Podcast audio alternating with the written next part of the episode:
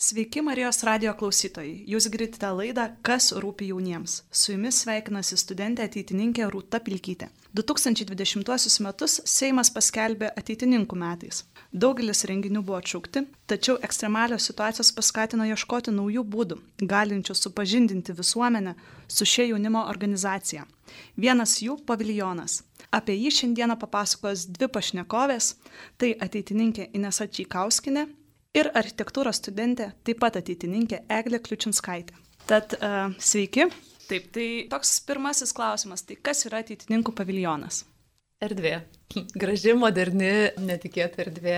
Kol kas jinai dar buvo Kaune, dabar Vilniuje, kur jinai toliau bus, dar mes iki galo nežinome, bet tai yra erdvė ir tai yra organizacijos, būdas pristatyti organizaciją ateitininkų. Ir mes galvojame, kaip būtent šituo laiku, kaip galėtumėm daugiau visuomeniai papasakoti apie ateitininkus nes daugybė informacijos mes esam tiesiog perteklių informacijos apie viską ir, ir kaip atkreipti visuomenės dėmesį. Tai paviljonas šiandien yra tokie metaliniai, gražūs, modernūs suolai, prie kurių yra pritvirtinti, na reikia čia labai taip vaizdžiai pasakyti, atvirlaiškiai. Juos parašė patys organizacijos nariai, išskiriam tam tikrus etapus, tam tikrus įvykius pagal ateitininkų principus. Buvo pakankamai taip sudėtinga juos sudėlioti, atrinkti, kas yra svarbiausia iš 110 metų laikotarpio. Na, bet įdomiausia yra tai, kad patys organizacijos nariai galėjo apie tai kalbėti ir kas jiem atrodė svarbu, tarkime, Na, kad ir paėmus pakštą, dabar vieną, na, tokių garsiausių asmenybių, galima sakyti, istorinių, toks ant bangos esantis žmogus. Na ir kaip vienas iš ateitininkų, studentas galvoja apie būtent pakštą kaip ateitininkų organizacijos pirmininką ir ką jisai norėtų praeinančiam gatve žmogui apie jį pasakyti. Na, arba, tarkim, apie Dėlę Dirsytę, kuri planuojama pakeliui į, į palaimintasias.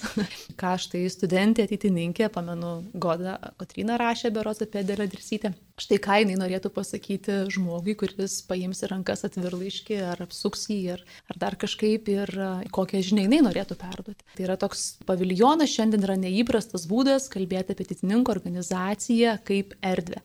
Erdvę, kuri jaunimo ūkdymo erdvė jos pasaulyje žiūros formavimo erdvę.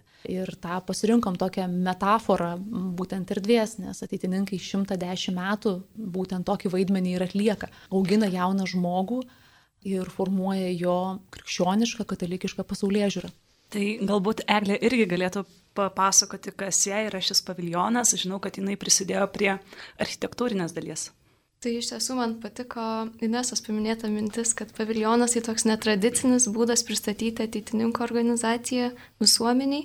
Tai turbūt vienas motyvas, bet jeigu taip pat asmeniškai žiūrint, kaip ir paklausiai, tai man tai šis projektas buvo irgi kartu galimybė sujungti va tą savanorystę ateitininkuose kartu su savo kaip ir profesinė sritimi, gal daugiau gebėjimais ir pomėgiais. Tai kaip minėjai, esu architektūros studentė, tai va buvo proga kažkaip jaustis tikrai naudingai, reikalingai savo gebėjimais organizacijos praturtinime.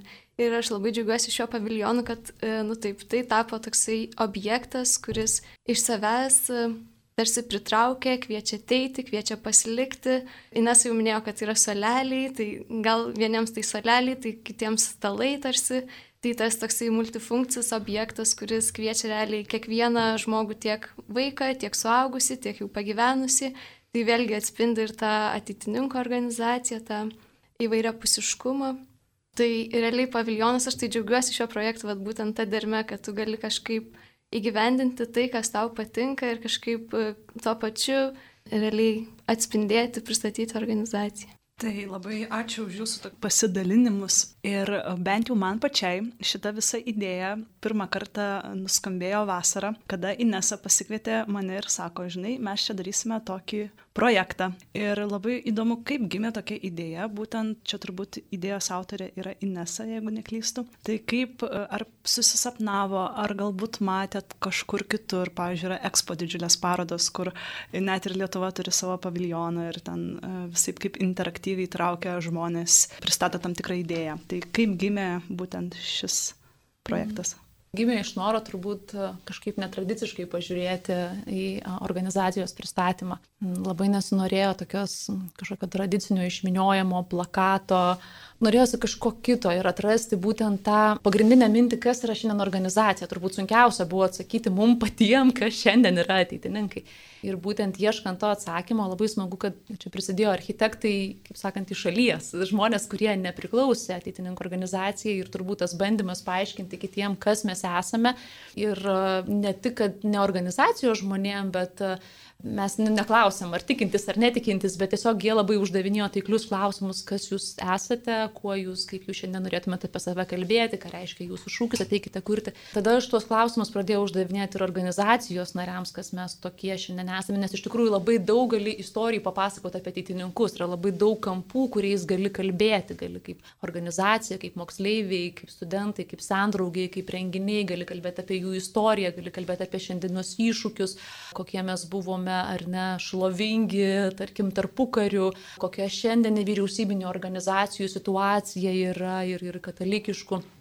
Nu va, ir štai taip bekalbant atsirado ta tokia erdvės idėja. Iš tikrųjų buvo gal pagrindinė mintis organi ateitininkų organizacija kaip bendruomenė, nes visiems čia gera. Ne? Ir nu, visi kažkodėl ateina, ateina dėl kitų, dėl žmonių, ateina dėl idėjų, dėl vertybių.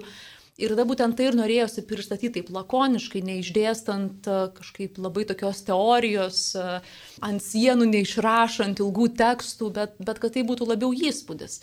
Ir kad tai liktų žmonėm kaip na, kažkoks vaizdinys, e, kur jeigu jiem tai patiks, jie paskaitys tą atvirlaiškį, jeigu jau patrauks juos tą patį idėją, jie paskaitys atvirlaiškį, jeigu norės, neužteks atvirlaiškio, jie atsidarys puslapį ateitis.lt, jie gal nusifotografuos, perskaitys vėliau tuos tekstus, nes nu vis tiek neišvengiam, tie tekstai yra, ateitininkai mėgsta kalbėti, ateitininkai mėgsta rašyti.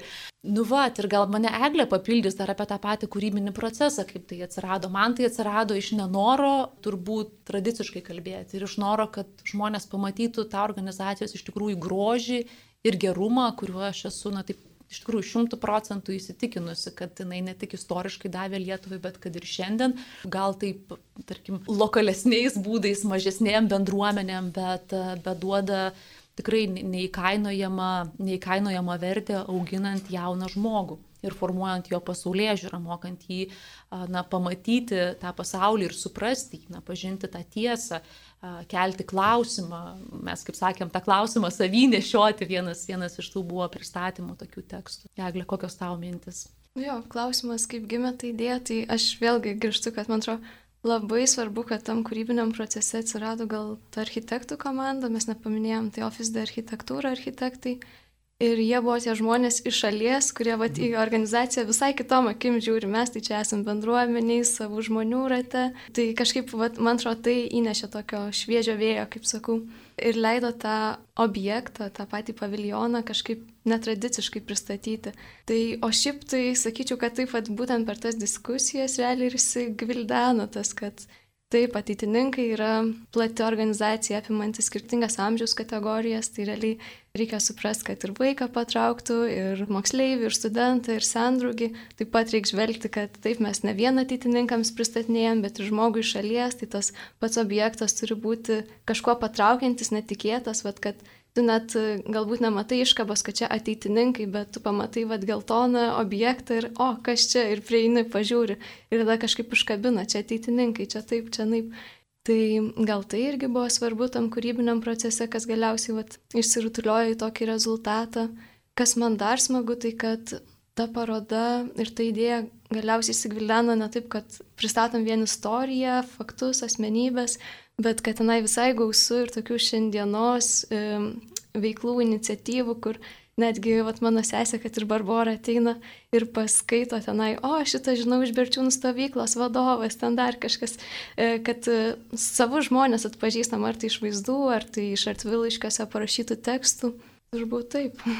Ir tas turbūt man pačiai tai buvo tas atradimas gražusis, kad tos istorijos dabar, mes dažnai taip mėgstam kalbėti apie istoriją, nes lengviausia apie ją kalbėti, nes tu ją labai lengvai gali įvertinti. Tai jau praėjo, faktas, pamatavom, tai buvo gerai, šitie dalykai pavyko. O kada kalbėjo apie tą laikotarpį, kad ir 20-30 metų, nuo kada ateitininkai atsikūrė, tai tų studijų dar nėra daroma, dar nepakankamai istoriška, kad dar tai tyrinėtum, nors jau tikrai jau yra tikrai ką tyrinėti, bet dar vis, dar vis kažkaip turi viską sugulti į archyvus, dar turim pamesti daugybę informacijos, kad jos iškotume. Tai štai ir tada tu kalbėt apie tą dabartį, bet tu pamatai, va vėl aš tą panaudosiu erdvės, tą žodį kad jeigu paimtum laiko juostą, tai taip, tie įvykiai vyko, vyko kažkokios ekskursijos gamtos draugo, tos unikalios ekskursijos plaukimas nemonų, ką mes pristatėm Davidaičio toks projektas, kada susidina moksleivių šiandienos, bet analogiškas dalykas yra tarp žygis pasūdyk Lietuvą, kur vėl kitaip jau su kitais naujais vadovais jauni žmonės keliauja grupelėm po Lietuvą ir kitaip tą Lietuvą pažįsta. Ir tai tikrai įdomu pamatyti, kad ne tik šlovinga ateitis, kitokie mastai, kitokios veiklos, kitokios iniciatyvos, bet jos vėl vyksta ir kad tu gali tai, tai palyginti, sudėti dvi nuotraukas, sudėti žmonės tie patys, jaunimas tas pats stovi su fotoaparatais, vėl istorinė nuotrauka merginos. Taip, taip, palangos ten ar ne, išlipę į krantą, jie fotografuojasi, ten sudarinėja raidės įvairias kopose ir, ir dūksta ir tu supranti visiškai, visiškai yra toks istorija tęsiasi ir mes esam tos istorijos dabar.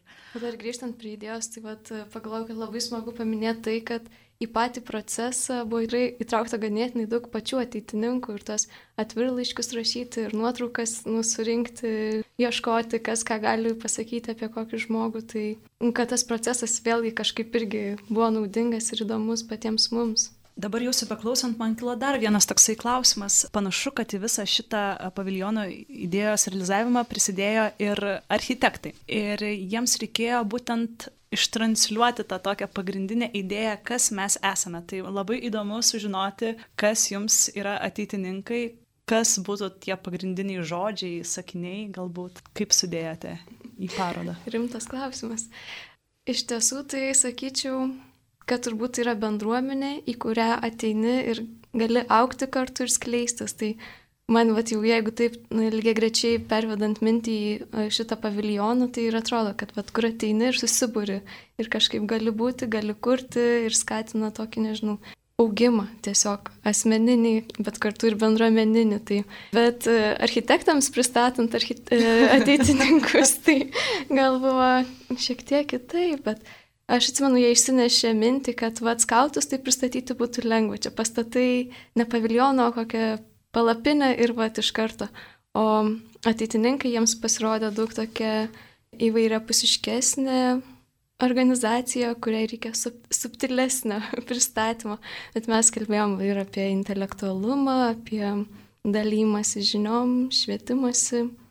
Taip, bet man tai gal tas ateikite, būkite ir kurkite kartu mokslininkai iš tikrųjų daro ar tai, ko moko, apie ką kalba, nu tokie neapčiuopiami dalykai yra. Patys mūsų principai, tai katalikiškumas ar ne tas vertikalusis principas vadinamas, ant kurio visi kiti principai sudėti - inteligentiškumas, šeiminiškumas, tautiškumas, visuomeniškumas.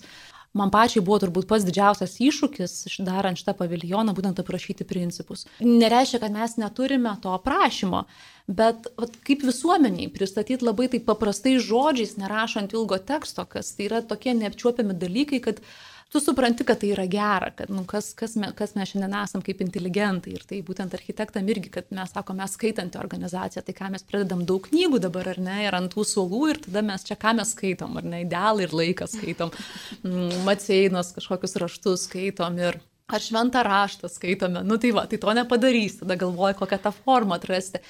Bet, bet vėlgi aš grįšiu, kad nu, tai yra vieta jaunam žmogui suvokti ir pažinti pasaulį ne tik tai per tai, ką jisai mato aplink, per tokius labai paprastus dalykus, per socialinius tinklus, bet kad jis pats turėtų savo nuomonę, kad jisai pats turėtų tvirtą vertybinį pamatą ir tą pasaulyje žiūrinį tvirtą pagrindą, kad jisai pats kaip asmenybė na, būtų tvirtas, susivokęs, bet kartu iš to susivokimo ir tos pasaulyje žiūros susiformavimo per, na, per tuos penkis principus kad jis suvoktų savo reikšmę visuomeniai, kad, kad jis yra atsakingas už tai, kas vyksta aplink jį, kad tik tai dėl jo vyksta pokyčiai. Mes dėl to ir tą istoriją kartais labai dažnai paminim, bet tai yra tokie lengviausias būdas pasakyti, mes kalbam apie asmenybės, apie paštą Davidaitį, Šalkauskį, tokias asmenybės ateitininkų. Ir tu pamatai jų šūkiai, mes atvirlaiškiuose naudojam daug tų šūkių, bet, bet jie iki šiandien, jų toks renesansas ateitininkų tarpe, jų šūkiai ir tos idėjos miršta, dėl kurių niekas nemiršta. Ir idealas turi taikytis, tai yra ne idealas turi taikytis prie siekiančiojo, siekiantysis prie idealo ir jie tokie įkvepia.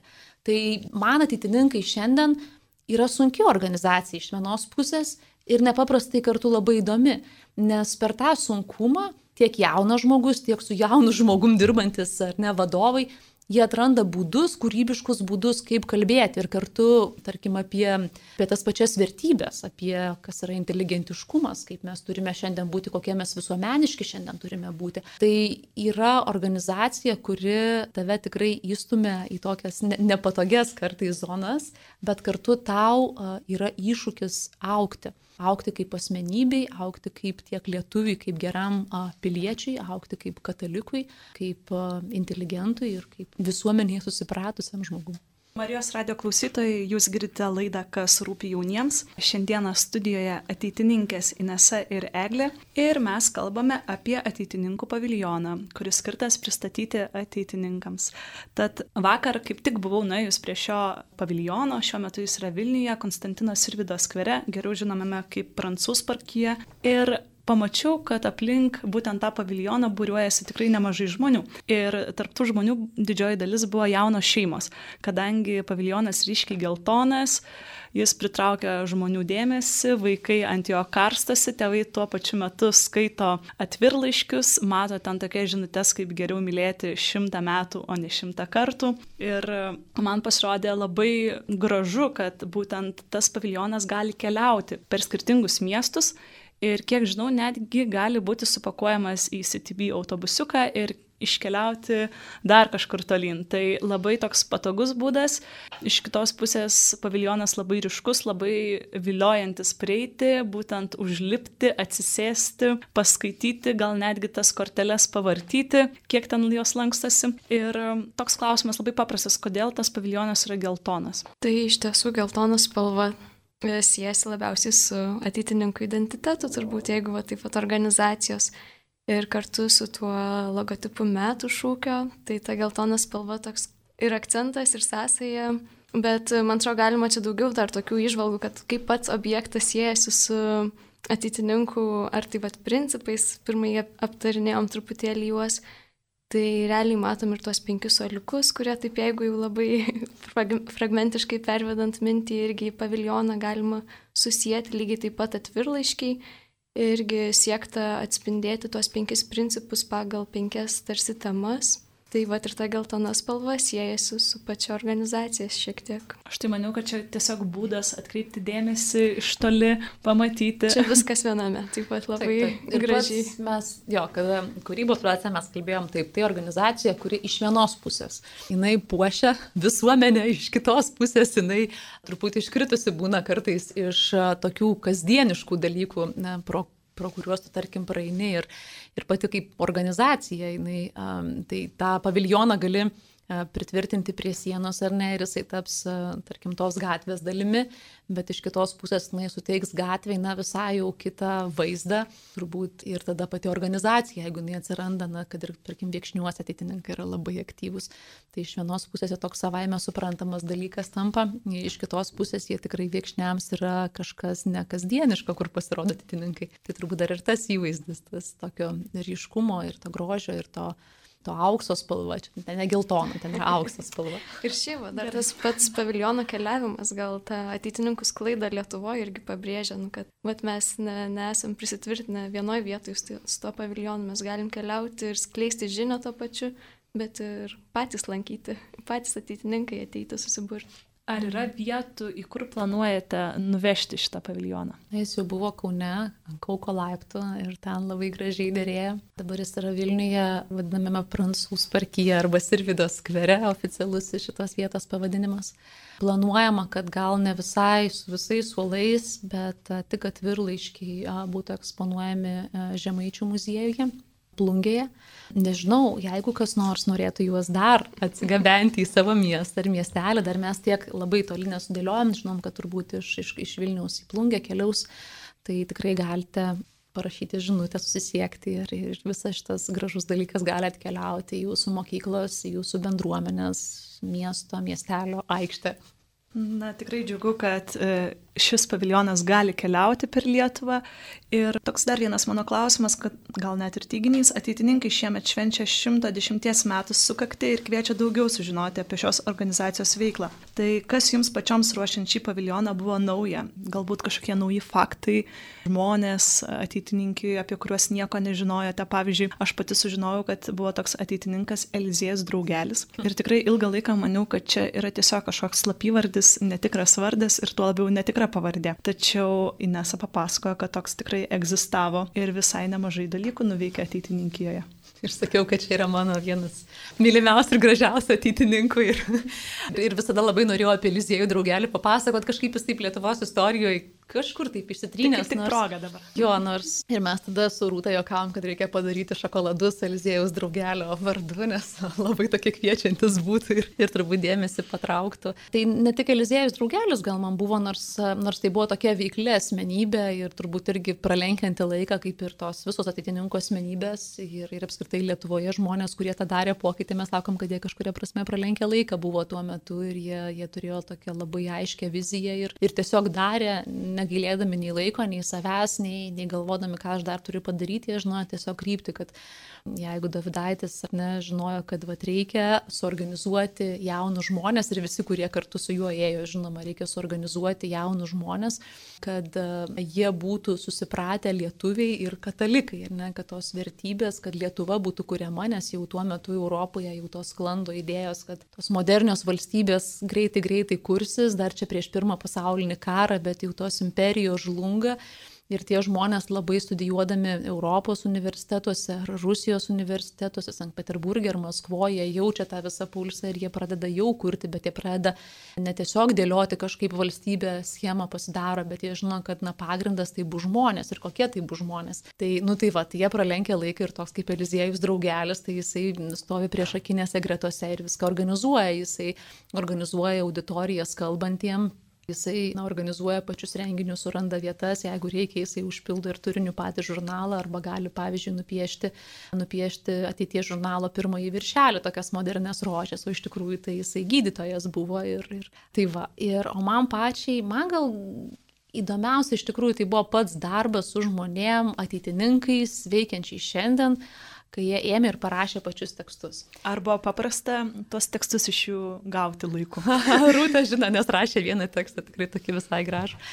Nepaprasta, kaip visada su žmonėm, kada darai tai uh, ir reikia koordinuoti kažkokį dalyką, tai visi žino, ar ne tas projekto koordinatoriaus darbas, kuris visada turi išprašyti viską. Tai Bet man įdomu buvo, kaip, kaip žmonės mato šiandien tos dalykus, ne, ne kaip parašyta istorijos vadovėliuose, ne kaip kažkas prisėdęs aprašytų, bet kaip kiekvienam žmogui atrodo vienas ar, ar kitas įvykis. Ir man buvo įdomu, kaip Eglė sugalvojo štai iliustruoti šitos atvirlaiškius, tą koležo techniką, kaip ar ne atsirado mūsų kalboj, kaip reikėjo surasti visų asmenybių parašus, tarkim, buvo toks, jeigu pamatytumėte, tie labai tokie minimalūs, ir, ir pasirinkta ta koležo technika, būtent kuri leidžia taip, ne, ne tik tą nuotrauką tiesiogiai klyjuoti, bet ją iškirpti, jai suteikti kažkokį papildomai dar pafantazuoti, pridėti iliustracijų, pridėti citatų. Ir mes sugalvom, kad kaip įdomu būtų kiekvienai asmenybei pridėti dar parašą jo yra to parašo suradimas, ar ne, archyvuose buvo toks tikrai kad kiekvienas, kiekviena asmenybė vaizduojama, jinai turėtų dar ir savo tą parašą pridėti, toks tarsi, nu, va, tikrai. Aš tik dabar, va, supratau, kad ten tie parašai buvo jų tikri. Taip, arba pavyzdžiui, buvo iš tokio visiškai organizacinio dalyko, tarkim, na, surasti, na, bizauską, retušuoti nuotrauką, surasti seną, tai, tai m, tikrai tokie peglė, ką tu papildytum dar iš savo atradimų. Pritariu, kad man labai patiko, vad būtent derinti tuos istorinius įvykius, kaip juos pateikti asmenybės, bet kartu ir šio laikinius tas visuomeninės mūsų veiklas, kurios gal, nu, kas dabar yra įprastos ir matomos. Man irgi šiaip kaip Ines visai patiko tas procesas, nes Inesa tai pilna to turinio ir dalymosi, vad ką su kuo derinti, aš daugiau gal buvau tokia tiesiog vizualų išpildytoja, galima sakyti, bet aš priemiau tai daugiau kaip meninį projektą, bet kartu tai man buvo labai gera galimybė šitą pasikartoti apie ateitininkus, bet ganėtinai daug ir sužinoti, tai kad ir tos asmenybės kaip draugeliai, ir draugelytė, ir draugelis, e, taip pat apie e, kunigą Lipniūną, man irgi buvo visai nauja e, šitą išgirsti ir Krupavičius istorijos, kai nesapasakoja, nu kažkaip tikrai pats procesas įkvėpė. Krupavičius ir ne mes tokia intriga, dabar jis tokia legendinė asmenybė ateitininkų, jeigu žinot pakštą, jis tokia atsarginė Lietuvos idėja turėjo ir dabar jinai ir, ir filme, ir, ir, ir spektaklyje Madagaskaras parodyta. Tai Krupavičius dar anksčiau negu pakštas, jisai Voroneže, kada prieš pirmą pasaulinį karą ateitininkai buvo ne ateitininkai, bet apskritai Lietuvos jaunimo, tam tikra dalis mokytojai, tam tikros mokyklos ar kursai, vadinamieji buhalterių arba dar kažkokie. Jie buvo tiesiog kaip, paaiškiai tariant, supakuoti į traukinį ir išsiusti į Voronežą tam, kad apsaugotų juos nuo karo. E, ir štai ten tokia vyksta lietuvių, nežinau, kristalizacija pasaulyje žiūrinė. Ten ir, ir liberalios idėjos, ir krikščionių demokratai pradeda formuotis, na, krikščioniškas blokas jau politiškai kalbant, ir socialistai, na, viskas ten taip kristalizuojasi, bet jaunimo tarpe. Ir jie, nu, iš tikrųjų taip labai gyvai kūrė tokias tarsi jaunųjų politikų grupės. Bet e, ir, to, ir jie visi žino, kad taip, dabar grįžę, jie visi turi tą idėją, kad jie grįžę kurs Lietuvą, nepaisant to, kad jiem yra 16, 17, 18 metų. Ir jie žino, jie tas vizijas dėliojas, nesvarbu, kad iš šiandienos perspektyvos žinai, kad nu vienų vizija buvo pakankamai žalinga Lietuvai, kitų tikrai gero linkinti, o štai Krupavičius jisai tokia įsiveržęs už žavingos Lietuvos idėjas, taip ir sakė, žavingos Lietuvos idėja. Ir jisai, nu, tikrai užbūrė tą jaunimą, uždega, jisai dirba nuosekliai, nuosekliai su jais, jisai atvažinėja reguliariai į Voronežą ir dirba su jaunimu. Aišku, bolševikai tuo metu jau ten bolševikai įsisiauti, jie būna, jie greitai supranta, ką daro Krupavičius ir kad šita krikščionių katalikiško jaunimo visas blokas aktyviai veikiantis, leidinius leidžiantis, diskusijas organizuojantis, kad jis gali tapti pavojingas ir jie Krupavičių nuteisė mirties bausme. Bet ateitininkai tada jau jį išgelbė, išgabena slapta iš Voronežo ir jis grįžta į Lietuvą ir, ir vėliau, kaip žinom, buvo žemės ūkio ministras, kuris tokia, na, tikrai vėlgi laiką pralenkiančią žemės ūkio reformą padaro, suformuoja pačią, na, pačią Lietuvos kaip ir teritoriją, tą fizinę prasme. Ir um, tai, o man dar kitas buvo, tai iš tikrųjų gal uh, pačiai asmeniškai, vėl čia atskleisiu iš turinio, tai buvo Lukšos Daumanto laiškai Nijoliai savo žmonai, kurią jis kaip žmona turbūt matė uh, savaitę. Aš tos laiškus žinojau uh, ir labai rekomenduoju, kas klauso juos pasiimti, yra knyga Juozo Lukšos Daumanto laiškai paskaityti, jie tikrai yra įspūdingi, bet būtent, būtent reikėjo man šitos parodos, šito paviljono rengimo, kad aš atsiverčiau tą knygą ir paskaityčiau. Ir aš galiu dabar vat vieną laišką, mes šitą Juozo Lukšos daumantą, mes jį nepridėjom prie tautiškumo, kas turbūt visiems turėtų būti savaime aišku, kad lukša ir tautiškumas, patriotiškumas, bet mes jį pridėjom prie šeiminiškumo, prie šeiminiškumo principo ir kurisai tiesiog pristatomas kaip žmogus, kaip jaunas vyras, 20 kelių metų, kuris stovi prieš akinėse gretose ginant lietuvą Lietuvą, bet kartu per tą laiką jisai sutinka savo mylimąją, savo sužadėtinę, vėliau tapusią žmoną ir jie gyvena kartu kaip vyras ir žmona tik tai savaitę Prancūzijoje. Ir va vienas iš laiškų yra gražus toks, mano brangioji Niliuk, džiaugiuosi, kad aš tave sutikau gyvenime su tokiamis pažiūromis į gyvenimo prasme ir laimę. Didžiuojasi, kad tau tinka pilna ta žodžio prasme lietuvės patriotės vardas, tavoji pažiūra į meilę visiškai sutinka su manaja, kad mūsų dviejų laimė neįmanoma be tėvynės laisvės.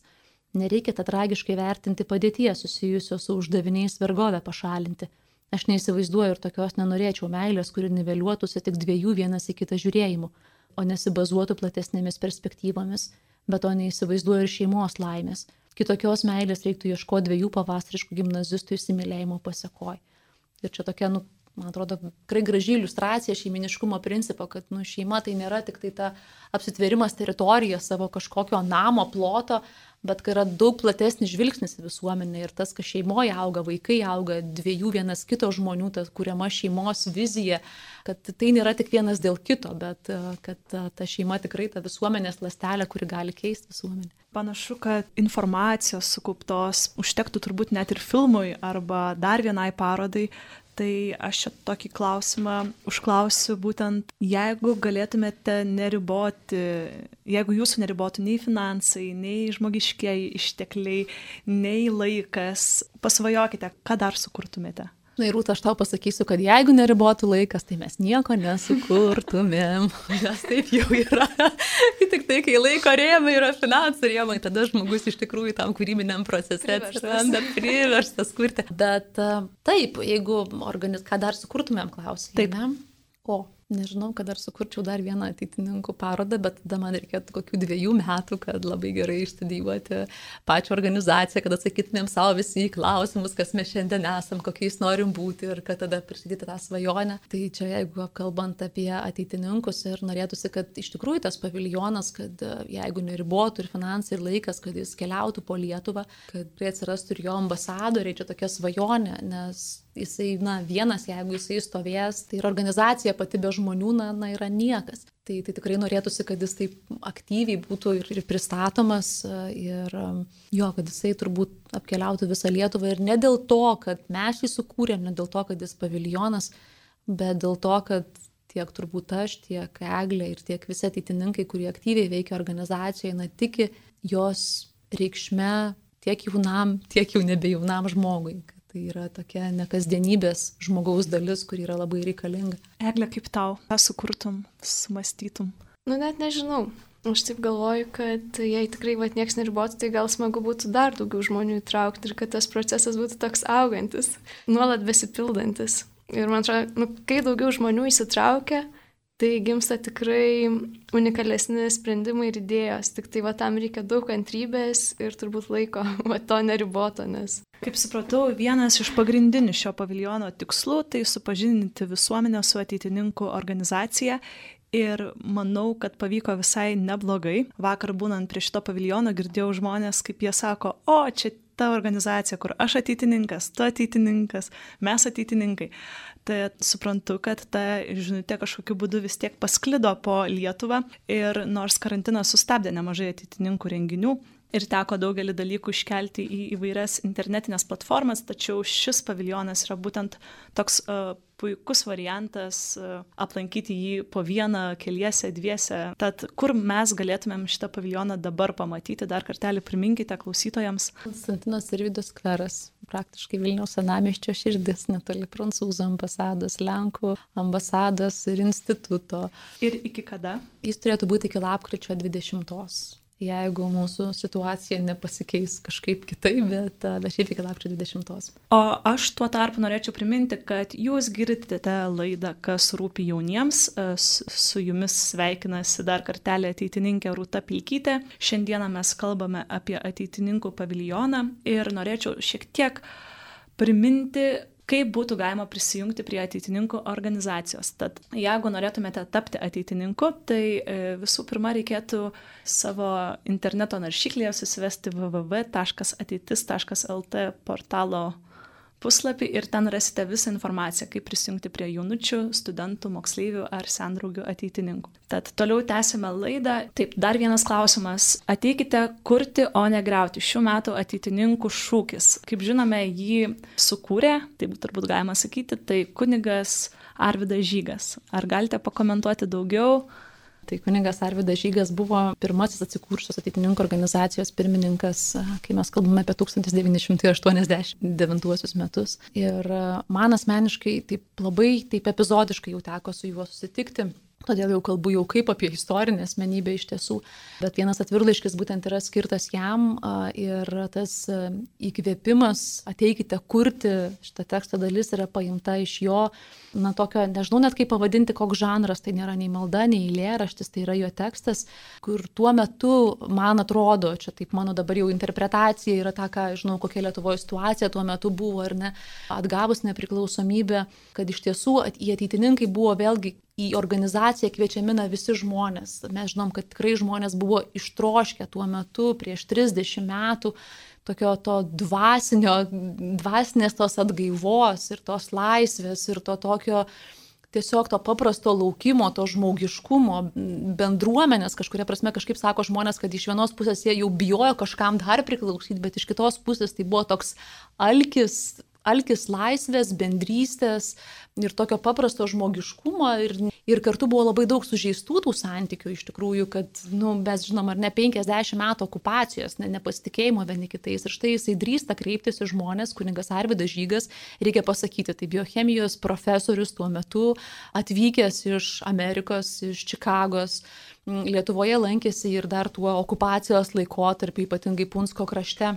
Na ir štai jisai atvyksta aukštas, įspūdingas, didžiulis, išsilavinęs žmogus, kur, kaip sako viename iš atvirlaiškių, Vatvygantas Malinauskas, jisai rašo, kad na, iš tikrųjų jisai kaip asmenybė, jisai traukia tiesiog tuo tokiu paprastu žmogiškumu ir tuo dėmesio skirimu žmogui ir ta visiškai asmenybės laisvė.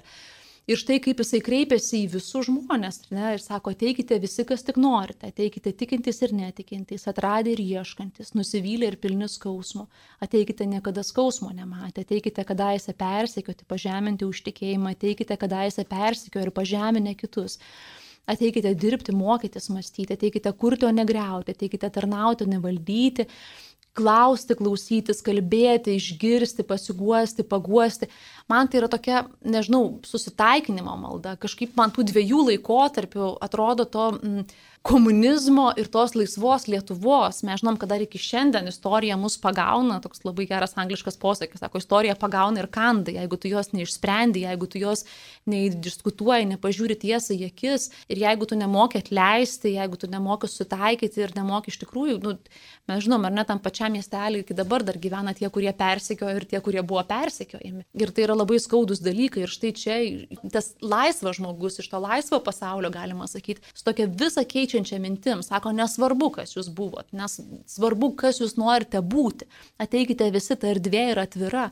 Ir man atrodo, kad ir taip nu, gražiai va, vygantas atvirlaiškį, man atrodo, pasakė, kad atrodo, kad ta laisvė ateitininkuose yra iki dabar. Nežinau, gal čia iš šono žmogus galėtų pasakyti, kiek tos laisvės mes turim, tos nebaimės kalbėti, nebaimės mąstyti kitaip, nebaimės būti idealistais ir, ir, ir pažinti iš tikrųjų tą tiesą, ir, nes tik tai pažinę tiesą mes galim kurti ateitį toje tiesoje. Tai šitie tas šūkis ateikite kurti yra būtent apie tai, jis labai platus yra, bet kad mes kurtumėm santykius, kurtumėm valstybę, laisva pilna ta žodžio prasme, ne tik tai, kad okupuota, bet kad kiekviena asmenybė būtų vidum laisva ir ne šiaip tuščiai laisva, kur nežinotų, ką daryti su ta laisvė bet kad na, turėtų tą susipratimą ir atsakomybę, kad na, tą laisvę naudotis reikia atsakingai. Tai ateikite kurti yra būtent iš šito konteksto ir žmonės gali tikrai internete yra pakankamai toks neilgas, nei trumpas tekstas, bet skaityti gal šiek tiek jį užtruktų,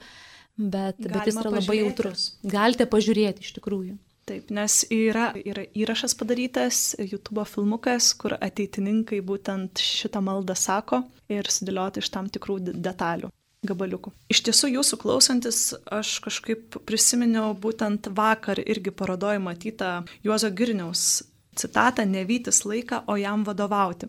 Ir tikrai panašu, kad šią parodą jums pavyko ne nagrinėti istoriją, kažkaip bandyti atkasti kažkokius smulkius, mažus faktus, bet tą visą istoriją susijęti su šia diena. Būtent priminti tas iniciatyvas, kurios yra gyvos dabar, kaip ir eilėraščių supynės, pavyzdžiui, labai graži iniciatyva, gal net šiek tiek Eglė galėtų papasakoti, kas tai yra. Tai man labai žavu tai, kad susijęte tuos e, skirtingus laikotarpius ir būtent priminėt, kuo ateitininkai dabar yra žavingi būtent. Tai galbūt galėtumėte pasidalinti, kuo, ką šiuo metu veikia ateitininkai, kas yra įtraukta būtent į šį paviljoną, kur būtų galima prisijungti.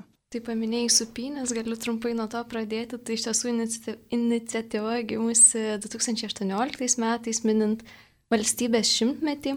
Ir tai gimė studentų ateitininkų rate, kelių draugų gal reiktų sakyti ateitininkų rate. Kai keliaujant traukiniu, sugalvojom, kad o, reikia mokytis kuo daugiau lietuviškų eilėraščių. Bet ne vien mokytis, bet kartu juos ir deklamuoti. Tada Brigita sako, kad oi, kaip aš norėčiau Lietuvo šimtmečio progą prikabinti kuo daugiau supinių Vilniuje ar kažkur kitur. Ir tada taip pat tos idėjos, kad ir mokytis eilėraščius ir suptis skirtingose Lietuvos vietose kristalizavosi į tiesiog eilėraščių supinę. Tai ką mes darome, jau iš tiesų dabar, gal šiuo metu truputį aprimo šitą idėją, tačiau labai smagu būtų vėl ją įveiklinti, bet mes susibūrėm, išmokstam eilėraštį ir viens kitam deklamuojam, besisupdami. Tai taip trumpai apie tą supinių idėją, kuri kaip ir gyva, gal truputį prigęsiu šiuo metu, bet paviljonė tarp atvirlaiškių dar yra pristatyta ir kitų veiklų, iniciatyvų, kurios yra aktyvios, tai taip pat ir pasūdyk Lietuvą žygiai, kurie vyksta vasaromis moksleiviams ateitininkams skirti. Taip pat Padžiauks Sofa renginys iniciatyva ar festivalis jau galima vadinti Kaune, galbūt šiais metais dėl esamos situacijos jis buvo atšauktas, tačiau tai irgi jau toks tradicija tapęs tiek moksleivių, tiek studentų renginys ir dažniausiai vasaros pasitikimas kartu. Taip pat viena labai stipri ir, manau, labai svarbi ateitininkose, ypač moksleivių ateitininkų rate iniciatyva, gal reiktų sakyti jau renginys, tai yra moksleivių akademijos, kurios vyksta dabar keturis kartus per metus, kur susibūrė moksleiviai iš visos Lietuvos, skirtingose Lietuvos vietose, taip pat gilinti savo žinias, kartu ir tikėjimą, būti bendruomenėje. Galiu štai perskaityti Rūtą, yra autorė šito taip, taip. akademijų laiško, atvirlaiško ir jinai sako, štai ką jinai sako. Žiema, vasara, ruduo ir pavasaris. 30 metų šios akademijos keliauja per skirtingus Lietuvos miestus bei vietovės ir laisvų sezonų čia nėra tik paaugliai, kurie per penkias dienas bando atpažinti gyvenimą. Mes juos mokome ir dabar čia akademijų pavadinimai, kurie man labiausiai patinka. Mes juos mokome, nebučiuok kiekvienos varlės, gyvenk kuo tiki, rodome, kur yra Lietuva ir tikime, jog pašaukimas įrašyta širdyje, o jie bando atpažinti savo gebėjimus, kitus žmonės, pagaliau ir vakarai starė, tiesie tavo valia, vadinasi, turi tą valią atpažinti ir nuo savosios atskirti. Tada žinau, kad visas nuovargis praeis ir nes mes jų kūrėme nuostabią erdvę jaunam žmogui, kad jis išmoktų klausti, klausimas savį nešioti ir jį atsakyti, kad jis kurtų Lietuvą kaip erdvę, kurioje kiekvienam gera. Nu, toks idealistiškas, kaip ir visi ateitininkai, tokie idealistiški, bet... Bet moksleiviai mes tokie ir būname. taip, taip, taip. Tikrai labai džiugu, kad perskaitai. Laida jau eina į pabaigą ir aš dar kartelį norėčiau priminti klausytojams, kad visi Vilniečiai ir ne tik miesto svečiai, kol dar nėra karantino ir galite patekti Vilnių, paviljoną galite aplankyti Konstantino Sirvido skvere. O šiandien laidoje dalyvavo ateitininkė Inesa Čikauskinė ir architektūros studentė, taip pat ateitininkė Eglė Kliučinskaitė. Laidą vedžiau aš, Rūta Pilkytė. Dėkoju, kad klausėtės prasmingo ir ramaus rudens vakaro.